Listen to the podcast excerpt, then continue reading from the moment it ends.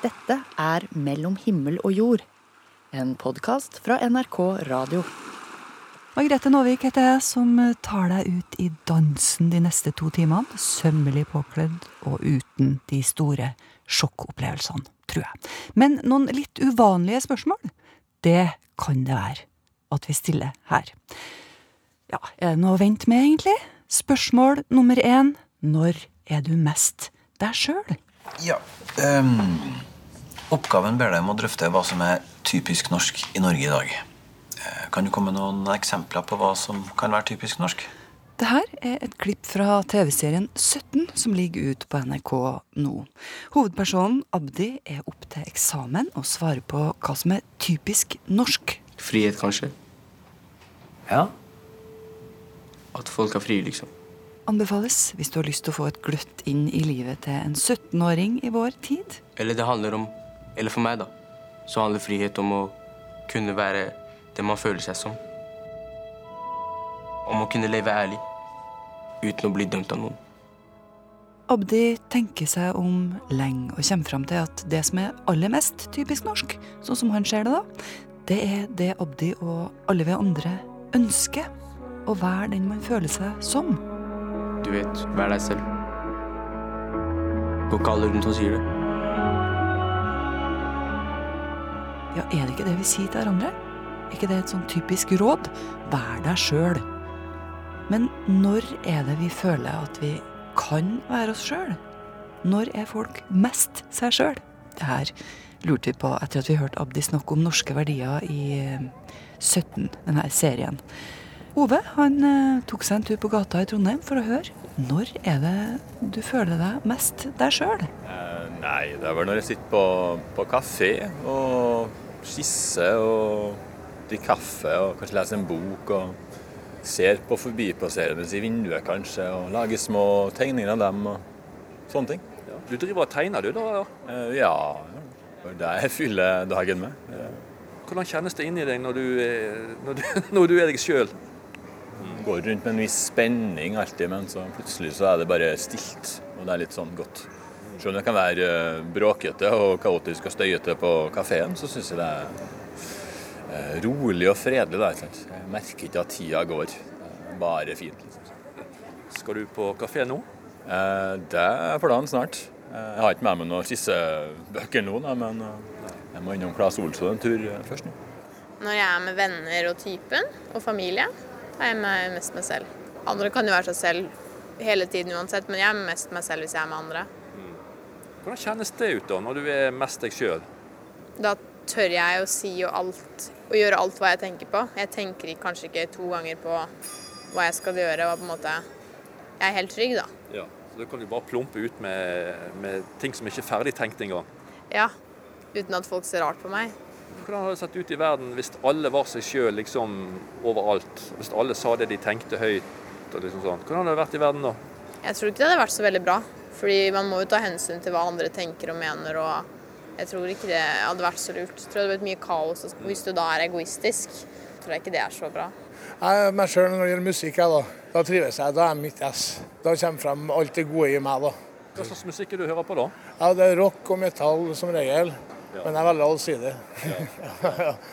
ja, bare- leve ut det du føler der og da, Ja. uten at du bryr deg om konsekvensene. Da er du litt deg sjøl, mener jeg. Ellers så er jeg veldig tilbakestående. Tilbake, nei, nei, tilbakeholden, heter det. Ja, Ja, ja, ja. Du ser jo veldig oppegående ut da. ja, jo, jo, jeg er det. Ikke tilbakestående, men jeg er tilbakeholden. Har du hørt musikk i dag òg? Ja, rett før jeg for hjem. Kan du høre på sånn eh, heavy rock eh, når du våkner om morgenen? Nei, nei, nei, jeg starter rolig, og så øker vi etter hvert. Å, ja. det Du begynte med Siste Kyrkjebø da? Ja, nesten. Det var mer Bjørn Einsvåg, tror jeg. Og så ender du opp med Ja, Metallica eller Black Sabbath eller noe som den gjør nå. ja. Så etter hvert. Men eh, bor du sammen med noen andre? Nei. Nei. Bare kun meg og katten. så, så, ja. Så katten den ligger og maler på siden av eh, heavy rockere? ja, og sitter og så nikker sånn eh, et hvert tatt. Ja, men så hyggelig. Når jeg ikke er mest meg sjøl, det er når jeg er i sammenhenger hvor det er bare fremmede, f.eks. Som ikke jeg kjenner i hele tatt. Og det har noe, tror jeg har noe med, med eh, at du er veldig sjenert og sånne ting å gjøre, egentlig. Får du litt hetta da, liksom? eller? Ja, jeg, jeg, jeg blir ubekvem egentlig. Jeg vet, vet ikke helt hva jeg skal prate om og sånne ting. Det er det som er det verste. Spør deg jo, eller? Det er kona. Når du mest deg sjøl, da? Alltid. Alltid? Ja, stort sett. Så du er på en måte det motsatte av, av mannen din, da? Det er derfor vi går så godt sammen. ja. Men hva tror du hadde skjedd i verden, og, eller det sosiale lag, hvis alle mennesker var seg sjøl 100% da? At man sa det man tenkte og Jeg tenker at det sikkert har vært litt begge deler. For du må jo på en måte tenke når du er sammen med andre. Du kan jo ikke bare buse ut med hva du vil.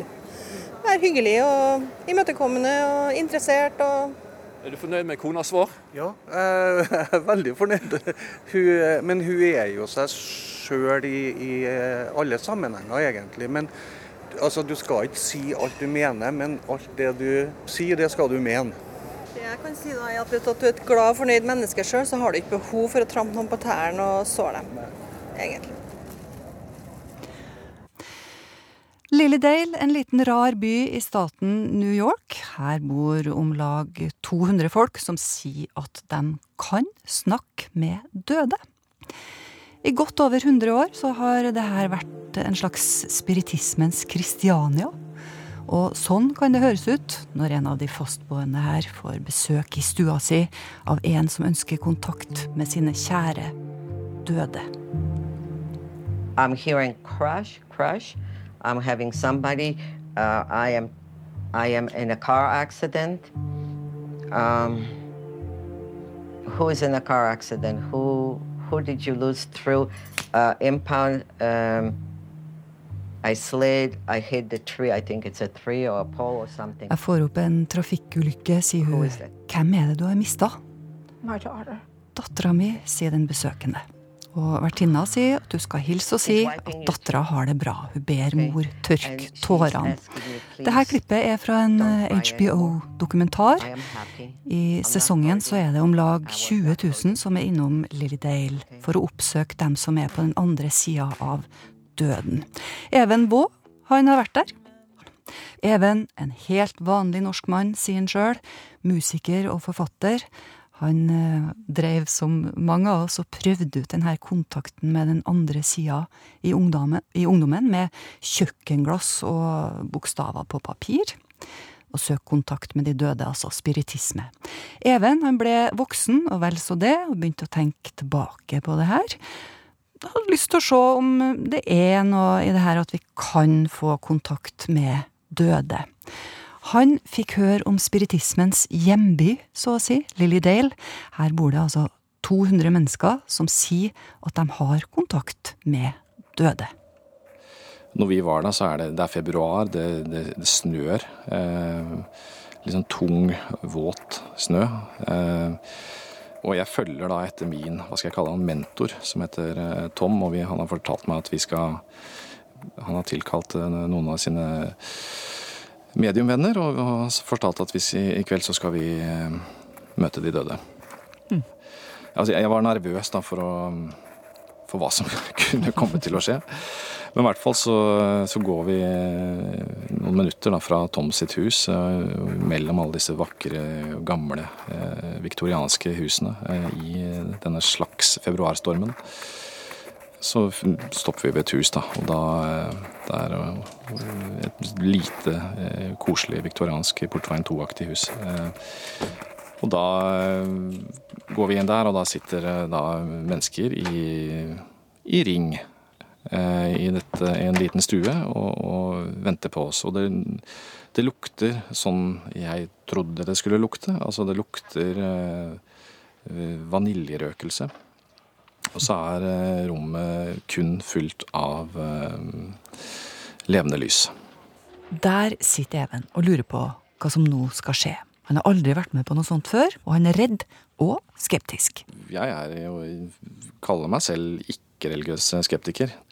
Jeg har en helt uh, vanlig, igjen, kristen uh, oppvekst. Uh, samtidig så var jeg jeg var nok, og det er jo litt det som har styrt den reisen her også, at jeg var, når jeg var liten, så var jeg, jeg var nok Jeg var nesten redd. For jeg syns det var skummelt og ekkelt å se at så mange mennesker sitter og gjør det samme. Eh, F.eks. under trosbekjennelsen eh, eller Fader vår, når man denne summelyden som kommer da altså, eh, De voksne virka jo nesten hypnotisert. Da, da måtte jeg bare løpe ut og, og eh, tagge på kirka eller et eller annet. Gjøre et eller annet. Ja, ja, Syns du at det ligner på den situasjonen? For du var jo i en sånn seanse i Lillydale. Ja. Syns du det ligner på den, den situasjonen i kirka når folk leser trosbekjennelsen? Eh, altså det er, eh, det er et interessant eh, spørsmål. De, de, altså de gjør jo på en måte det er, det er en eller annen magi eller et eller annet som oppstår når veldig mange mennesker er sammen. Og det kan være eh, Før jeg dro på den reisen her, så for meg så kunne det f.eks. være å, når jeg var på Roskilde når jeg var yngre, og det å oppleve å stå sammen med veldig mange mennesker og Mm. Eh, og jeg kjenner at eh, beina løfter seg, at jeg ikke har kontakt med bakken lenger. Altså, rett og slett fordi det er såpass eh, stort press at jeg, jeg, at jeg blir, løfta opp og, og blir flytta av gårde. På flere vis? på flere, på flere vis. Jeg husker, jeg husker spesielt Iron Maiden. Av en eller annen merkelig grunn. Det er veldig lenge siden. Ja, for det skjer noe, sier Even, når mange mennesker blir enige om å samles om det samme. Om det er fotball, konserter, salmesang, eller eh, som det han var med på i Lillydale. Det er klart Jeg hadde med meg, hadde med meg litt, noen, noen personlige historier eh, også inn der, som jeg hadde fått eh, servert i, i Norge eh, før jeg dro. Som handla om eh, døde mennesker i familien. eh, som Så jeg var jo hele tida spent på um, om jeg kom til å treffe dem på et eller annet vis. Lillydale, byen som eh, Even Vaa var besøkt, er litt som Kristiania i København, sier han, bare at cannabis er bytta ut med dødekontakt. Det er fritt fram for å prate med døde. Eller sagt på en litt annen måte, så finnes ikke døden i Lillydale. Døden er en illusjon. Døden er I Lillydale så er døden eh, en illusjon, ja. Ja, og der i Lillydale så har de altså rigga seg til med sitt eget syn på døden, siden 1879 faktisk, 140 år før Even Vaa kom dit. Vi skal høre eh, hvordan det gikk med Even på denne seansen etter High as a Kite. Even Vaa sitter i et rom i et hus i Lillydale, spiritismens kraftsentrum, kan vi kanskje si, i USA.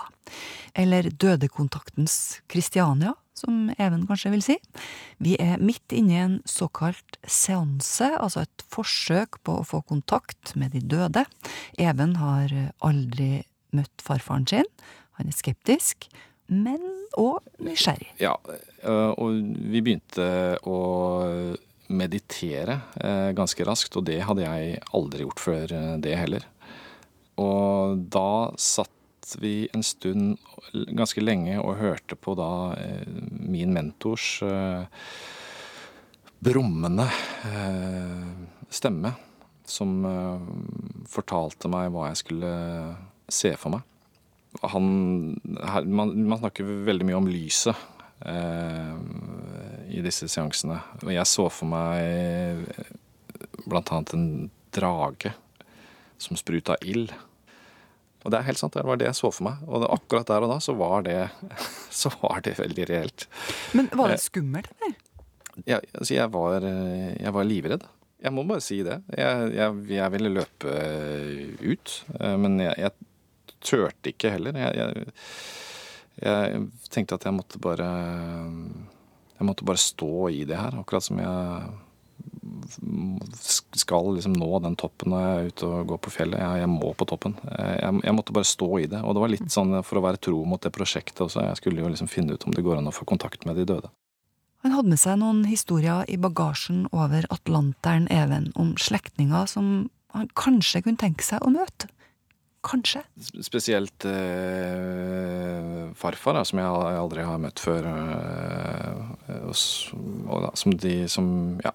Som, Mm. de, Som har en ganske sånn dramatisk livshistorie. som har en dramatisk livshistorie. Mm. Eh, så det Jeg var jo hele tida redd og nervøs for at jeg, at jeg på en måte skulle treffe han. Samtidig altså, jeg, Samtidig så var det det du ville? Eller? altså det kan jeg, jeg, vet ikke. Jeg håpa jo at på en måte at ingenting skulle skje. Men, men allikevel så blir man på en måte dratt mot uh, et eller annet. Eh, Mens jeg hører Even snakke, så kommer det opp et spørsmål i hodet mitt. For han sier han er skeptisk, men kan man være skeptisk samtidig som man godtar premissene for en sånn seanse? mm. Uh, hva er forskjellen på åpen og ukritisk, tenker du? Ja, hva er forskjellen på åpen og ukritisk? Uh, jeg har egentlig vært veldig åpen for å finne noe. Eh, det har jeg, men samtidig så har jo ikke jeg den religiøse Altså jeg har jo ikke altså Selv om jeg har liksom vokst opp eh, i en religiøs, eh, vanlig kristen familie, så har ikke jeg noe sånn Jeg har aldri noe sånn, fått noe åpenbaring eller følt at, eh, at jeg er religiøs. Så jeg vet ikke, kanskje man ikke skal være så kritisk til det. At hvis man faktisk har lyst til å finne, noe, finne noe, så finner man det. Og det er jo det er noe som er litt fint i det. Men hva, hva sitter du igjen med da, etter den turen? Etter det besøket i Lillydale? Jeg, jeg er nok eh, Jeg godtar nok mer at jeg At jeg syns det er mer greit å bli eh, redd. Jeg, jeg vet jeg, jeg godtar mer at folk holder på eh, sånn som de gjør i Lillydale. Jeg syns det, det er fint. Jeg syns det kan være fint at folk har noe å tro på som er veldig annerledes. I Lillydale så de- De hadde et veldig fint uh, samfunn der, syns jeg. Men møtte du farfar? Altså, om jeg møtte farfar eh, Han eh, Altså, ifølge disse menneskene så, så var han sammen med meg i USA. Men om jeg føler at jeg møtte han, det vet jeg ikke. Jeg, kan, jeg, jeg føler ikke at jeg kan svare på det. Nei, jeg, altså jeg tok ikke en kaffe med, med, med farfar. Det gjorde jeg ikke. Allikevel så føler jeg på en måte jeg blei mer eh, kjent med ham fordi jeg ble tvunget til å finne ut eh, mer om ham. Det er altså Even Baa som sier det her. Han kommer straks med boka Jeg tror det er vinden, som handler om hans personlige reise til Lillydale, og i livet, for så vidt.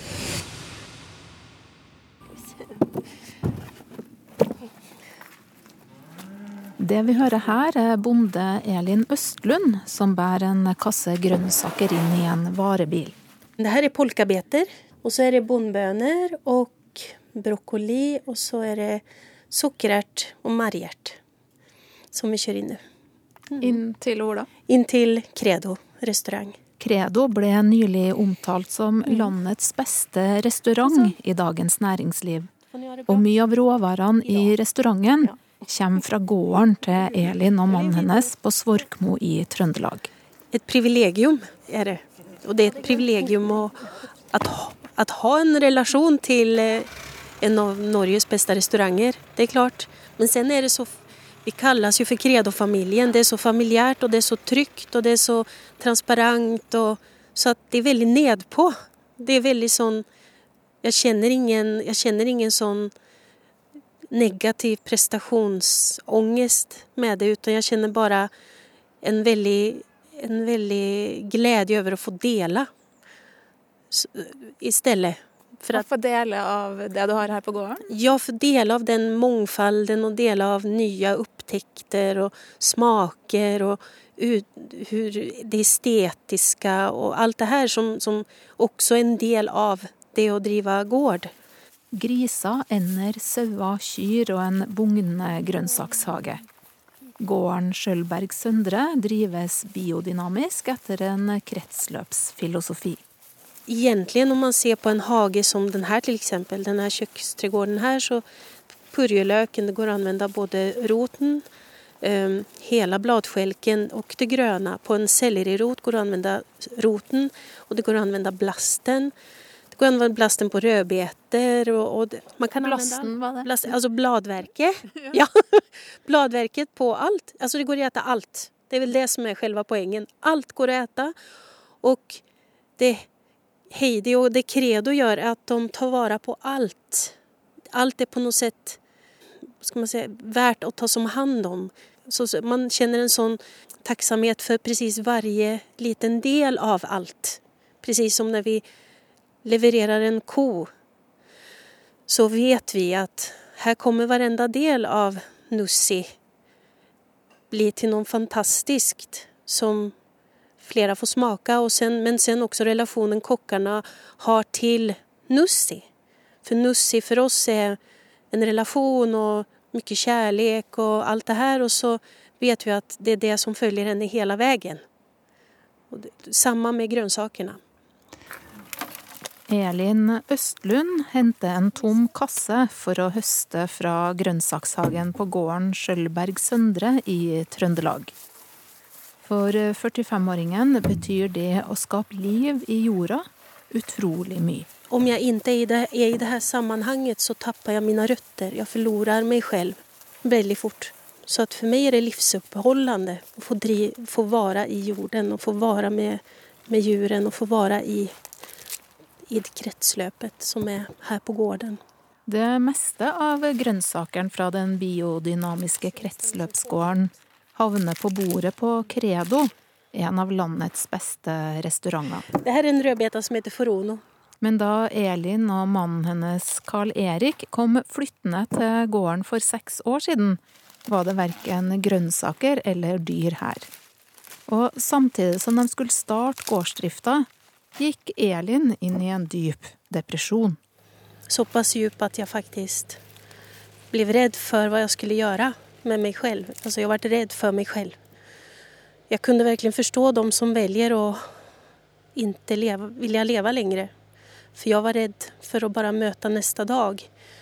Og da sto jeg med en fantastisk gård, med fantastiske barn, med en mann som jeg elsker mer enn alt. Jeg kjente bare Hvordan går det an at jeg kjenner så? Depresjoner, angst og panikk. Elin har slitt psykisk hele livet, men da hun i tillegg fikk en hjertesyk baby, ble det så ille at hun ba om hjelp. Og det ble klart at hun både trengte medisiner mot en bipolar diagnose og behandling for traumer som følge av opplevelser i barndommen. Jeg har aldri noensinne kunnet være i et ordinært jobb. Jeg har aldri fungert helt på et, livet har vært fylt av mislykkanden.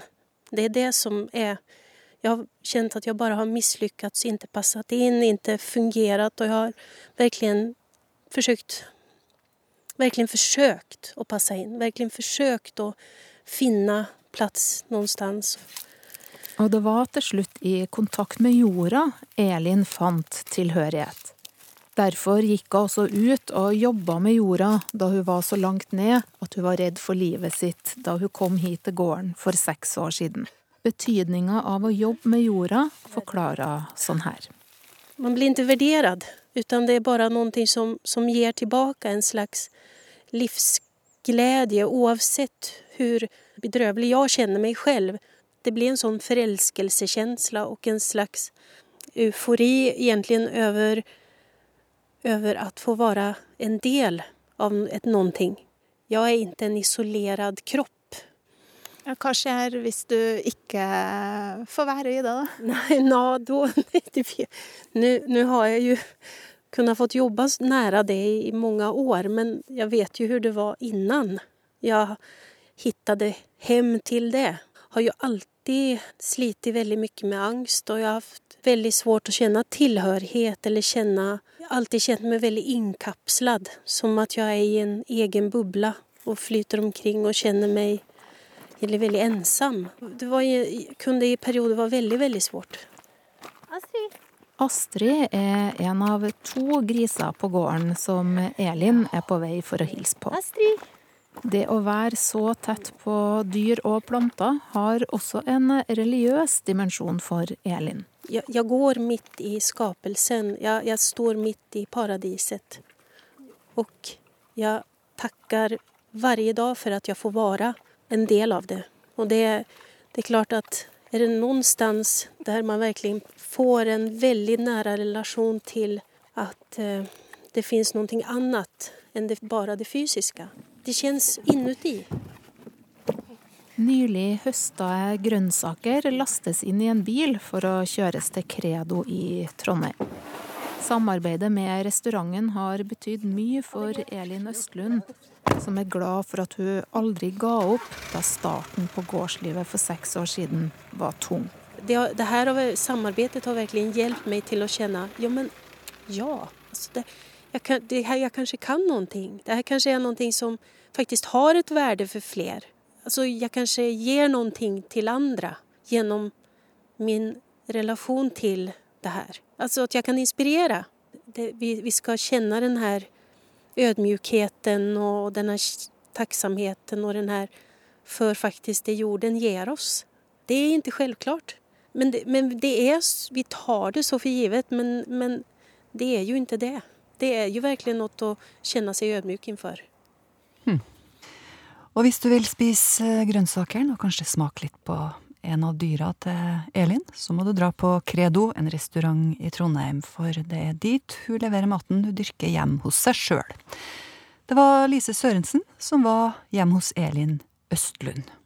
Før i tida så var det jo sånn at eh, jobba du som lærer, lege eller prest for eksempel, så fikk du altså litt gratis autoritet.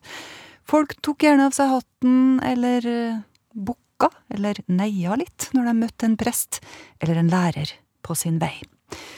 Det er jo fort gjort å tenke at sånn er det ikke i dag, men så ser vi altså det her i huset når en prest svinger innom eh, i NRK, at folk tar seg litt i det, altså. Hvis de bryter ut i et språk som ikke sømmer seg i kirka, for eksempel. Det var Lise som kom på at hun skulle ta med seg det her spørsmålet ned på gateplanen, og hun spurte hva skjer med deg når det kommer en prest i rommet? Noen ganger kan jeg føle litt sånn ubehag, for jeg føler med en gang sånn press til å si at å ja, jeg er kristen, eller har tenkt veldig mye over sånn eksistensielle spørsmål sjøl om jeg kanskje ikke har det, da. Eller at jeg føler at jeg må være mye mer sånn ordentlig enn jeg kanskje er, eller at det blir sånn veldig prestisje, eller at å nå nå blir det veldig kjedelig prat her, fordi man tenker på gudstjenestene på barneskolen, liksom. En har jo respekt for prester, det har en jo.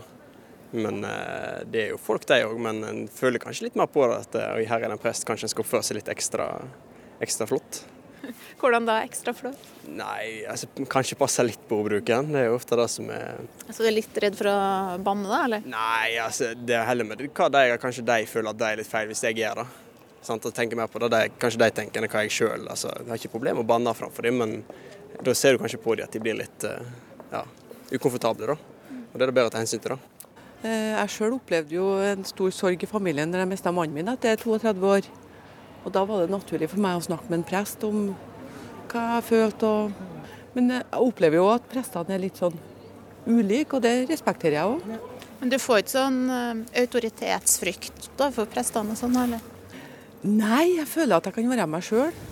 Hvordan blir du påvirka av å ha en prest i nærheten av deg? Så hva gjør det med deg på en måte å ha en prest i rommet? Eller er du prest sjøl, kanskje? Nei, ikke det. Jeg vet ikke om det er noen verdens ting. Dessverre. Så jeg har ikke overdreven tillit til den norske prestestand. Og da tenker jeg om eh, DNK sin prestestand. Den norske kirke? Ja. ja. Fordi Fordi at, eh, at jeg synes det har skjedd ting i Den norske kirke som gjør at de stadig kommer i større utakt med det jeg vil kris- kalle kristenfolket i Norge. Eh, Og, og senest med, med vigsel av likekjønna. Det tror jeg ikke var særlig taktisk lurt. Det finnes jo masse forskjellige prester. Det er noen som jeg synes har litt dårlige holdninger til andre mennesker, og det støtter jeg ikke helt. For jeg synes Gud elsker alle, og da burde du spre det budskapet som Gud sier, ikke bare å jeg er den retning, så jeg synes ikke homofile burde få lov til det. Alle burde få lov til å gjøre sånn som de vil, på en måte.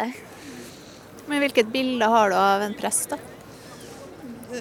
At de, det er en hvit fyr i 40-årene som står i ei kirke og preker, rett og slett. Jeg får ikke noe annet bilde, egentlig. Men du, hva tenker du om å være i nærheten av prester? Nei, alle prestene jeg har møtt, har vært koselige, da. Så eh, det påvirker meg ikke liksom, hvis jeg får, de kommer inn i rommet. på noe Så. Men det, det er jo den grensa at hvis jeg begynner å tvinge Gud på deg, på en måte, da Jeg har hatt kontakt med katolikkpresten som er i Trondheim. Og jeg er ganske overraska over hvor åpen sinn de har om alt. Om homofili, om alt. Alt. Og det er de greit og veldig glad for, fordi det viser at de er også under utvikling. De ser hvordan samfunnet utvikler, og de er også med. De står ikke ut og bare ser på forandringer. Ja, og nå har vi altså faktisk en prest i rommet her, som vi skal snakke litt med. Linda Aune Aurdal. Linda, jeg må få lov å beskrive deg, for at du er jo ikke akkurat en mann i 40-åra som vi snakka om her. Linda er, er ung, i 20-åra. Langt, lyst hår. Rød genser og svart, tøff skinnjakke. Hva syns du om det du hørte? Du, det så ut som du kosa deg litt. Nei, det jo veldig artig, da. Det er jo eh, litt forskjellige reaksjoner. Forskjellige ting folk sier, og det vil jo være eh, naturlig og ut fra at de har sikkert møtt forskjellige prester. Det er det. Og de, eh, noen har jo kanskje ikke møtt prester, så det er bare basert på liksom, tanker om hva en prest er. Mm.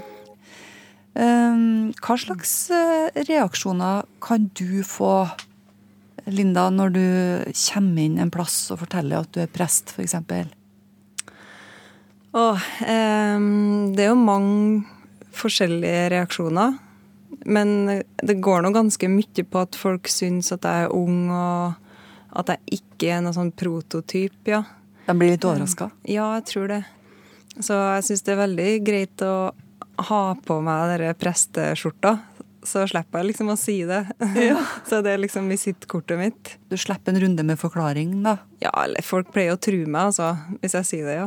Og til unger så er det jo aldri noe problem. De oh, tar det jo sånn som det er, selvfølgelig. Ja, du er prest, ja, det er greit. Det er mer blant eldre, og jeg har faktisk hørt en del eldre som har sagt ja, før når jeg var ung, så var det ingen unge prester. Men eh, jeg tror kanskje ikke det stemmer helt for mine eldre kollegaer. De var jo unge på den tida der. Men de har endra synet på hva som er ungt, antagelig, da. Kanskje. Men eh, som vi hørte da, før musikken her, så er folk litt sånn engstelige for å tråkke over og si feil ting og sånn. Eh, når, når blir det feil for deg? Altså, når opplever du at folk tramper på trua di, på en måte? Nei, altså Hva skal jeg si, da? Jeg det med han som sa at han var redd for å bannes og sånn, det kjenner jeg igjen. Det er flere som unnskylder seg og sånn. Mm. Og på en måte så tenker jeg at eh, det trenger ikke de å gjøre. Det er liksom det, det bryter jeg meg noe om. Samtidig så har jeg òg tenkt at ja, de ønsker jo å vise respekt, og det er jo fint. Nemlig. Men du sa det at uh, unger er liksom godtar sånn umiddelbart at du er prest. Men merker du noe forskjell ellers i alder? Er det sånn at eldre har mer respekt for presten enn yngre, eller har det forandra ja, seg? det har forandra seg, tror jeg. Mm. Um, og i begynnelsen spesielt syns jeg var veldig ubehagelig hvis i hvert fall en del eldre som type reiser seg når jeg kommer inn i rommet og sånn. Og det er litt sånn Det er ikke jeg vant til. er det noen som gjør det? Eh, ja da. Så, men jeg tenker de må jo få lov til det. Hvis de gjør det. Det er greit. Men det, ja. Men hva syns du om den utviklinga, da? Er den god, liksom? At Ja, jeg syns den er god. Mm. Jeg syns det er fint. Vi har jo fått et mer og mer uh, flat struktur på samfunnet vårt, og Mm. det tenker jeg er veldig positivt. Mm, det speiler seg også i vårt syn på presten. Mm, det tror jeg. Men uh, var det noen fordeler, syns du, med at uh, presten hadde autoritet?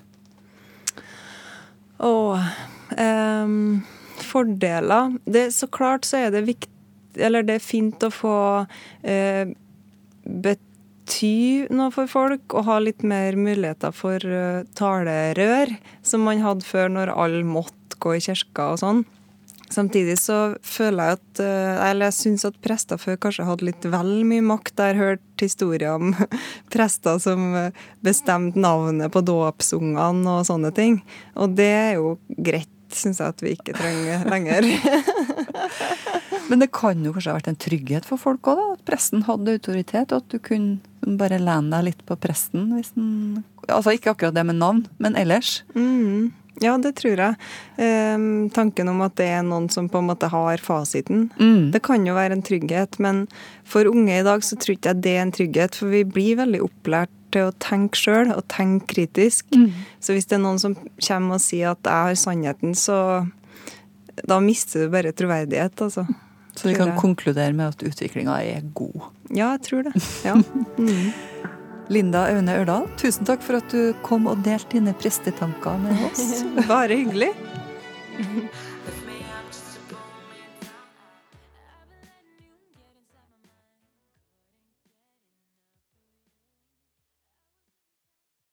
Nå skal vi høre at eh, kirka muligens var på babyjakt fra oktober av. For eh, nå er det sånn at det kommer en ny lov som sier at folkeregisteret ikke lenger kan si fra til kirka når det kommer barn til verden. Den norske kirke vet altså ikke om at barn blir født. Og tidligere så har kirka tatt kontakt med nybakte foreldre da, og gitt tilbud om dåp. Så hva skjer nå? Vil det bli fall i antall medlemmer når folk må ta et aktivt valg og finne ut hvor de skal henvende seg for å melde babyen sin inn i kirka for å få barnet døpt? Camilla Kjønn Tingvoll har eh, tatt en prat med Kristine Aksøy, som er leder i seksjon for barn og unge i trosopplæring i Kirkerådet. For det første må jeg si at Kirken er òg veldig positive til personvern. Så eh, en ny lov som skal sikre personvern, er jo i utgangspunktet en positiv ting for oss alle. Eh, når det er sagt, så er det klart at eh, den muligheten vi har hatt gjennom å få vite hvilke, når et medlem i kirken får barn, sånn at vi kan ta kontakt og invitere til dåp, den er vi jo ikke så veldig glad for at forsvinner. Eh, men å skjelve i buksene, det tror jeg ikke vi kan si at vi gjør. For eh, jeg tror jo veldig mange som får barn, allerede har tenkt på dåp eh, før det brevet kommer fra kirken. Men de sier at de er litt bekymra likevel. Hva går det ut på? Utviklingen når det gjelder dåp, har jo de siste årene vært at flere tenker seg grundig om før de velger dåp. Det er ikke noe selvfølge lenger. Så man trenger kanskje den dialogen med kirken for å få den informasjonen man trenger, og, og noen trenger det for å i det hele tatt komme på tanken at å ja, det var det med dåp, ja. Det stemmer. Ja. Nettopp, så vi kan jo si det at det er jo gjennom dåpen at de får medlemmer i Den norske kirka, ikke sant? Jo, man blir medlem i kirken eh, mm. gjennom dåp. Så de er litt redde da for at, eh, at færre skal få vite om dette her, altså dette dåpsritualet, som da eh, fører til et medlemskap. Eh, færre medlemmer i Den norske kirke, kanskje? Nå må jeg si Når det gjelder dåp, så er det jo ikke først og fremst medlemstallet som er kirkas eh, anliggende. Eh, dåpen er jo et sakrament, en hellig handling. Noe som eh, på en spesiell måte setter oss i fellesskap med Gud. Og det er jo det som er kirkas primæranliggende. Og så blir jo medlemsregisteret en konsekvens av den mm. handlingen. Økonomi, da? Dåp har jo ikke noe å si for økonomi, men eh, sånn som det er nå, så har jo heller ikke medlemstall direkte utslag på kirkens økonomi. Men det er klart, eh, det å være en kirke med en bred oppslutning i folket, det er jo kirkens mål også for framtiden. Og det kan hende økonomi vil komme til å bli en del av det bildet. Men eh, nå når ikke lenger Den norske kyrkja får beskjed om nyfødte barn, hvordan skal de da få kontakt med, med foreldre som uh, har barn som nettopp er født? Og kan det bli snakk om husbesøk, f.eks.? Ja, det er faktisk en del menigheter som eh, allerede har gjennomført husbesøk, men da på grunnlag av at de jo har fått informasjon om hvem som har fått barn. Hvor man har ringt på døra, gitt en gave og gratulert med barnet. Men det vanligste er jo at foreldre som får barn selv tar kontakt med kirken fordi de ønsker å avtale dåp. Eh, men så må man også være til stede på mange andre plattformer. I Kirkerådet eh, prøver vi å hjelpe menighetene lokalt til å gjøre det som er naturlig for dem, av typen oppslag på helsestasjonen, eh, annonse i lokalavisa, lage redaksjonelle ting som avisa kanskje vil ta inn knytta til dåp. Noen har gjennomført dropp drop-in-dåp, som ofte har fått litt oppmerksomhet for de som av en eller annen grunn ikke helt eh, fikk eh, komme seg til å døpe, og lage en litt sånn mulighet for å gjøre det. Ja, Det sier Kristine Aksøy i Kirkerådet, og neste måned så får altså ikke tros- og livssynssamfunn i Norge beskjed lenger når et medlem har fått barn. De må muligens bli litt mer aktiv i sin jakt på babyer, da. Jeg ringte uh, Talepleim i Human-Etisk Forbund for å høre om det her har noe å si for hvordan de markedsfører seg sjøl mot nybakte foreldre. Vi uh, har aldri sendt brev hjem til våre medlemmer når de har født et barn. Jeg tenker det er helt feil. Vi må respektere folks privatliv.